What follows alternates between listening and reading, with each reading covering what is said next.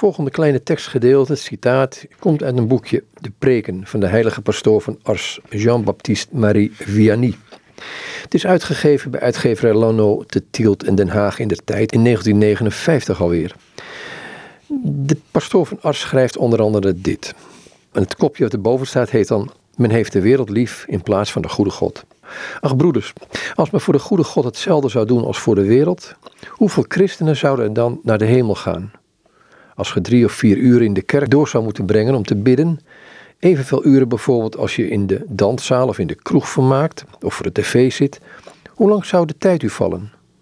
Als je even ver moest reizen om een preek te horen, als je dikwijls reist voor uw genoegens of uw hebzucht tevreden te stellen, wat een stortvloed van voorwendsels en uitvluchten zou er dan losbarsten, broeders. Maar voor de wereld is u niets te veel. Voor de wereld zou het uw God en uw ziel en de hemel op het spel zetten. Jezus Christus had wel gelijk, broeders, toen hij zei dat de kinderen van de duisternis meer ijver aan de dag legden in de dienst van hun meester, de wereld, dan de kinderen van het licht in de dienst van hun Heer.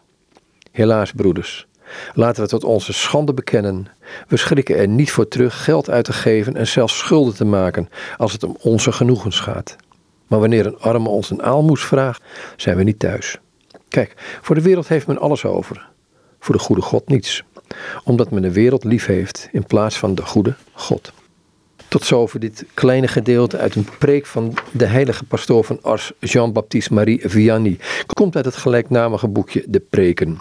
Uitgegeven bij Lano in Tielt in Den Haag in de tijd nog in 1959.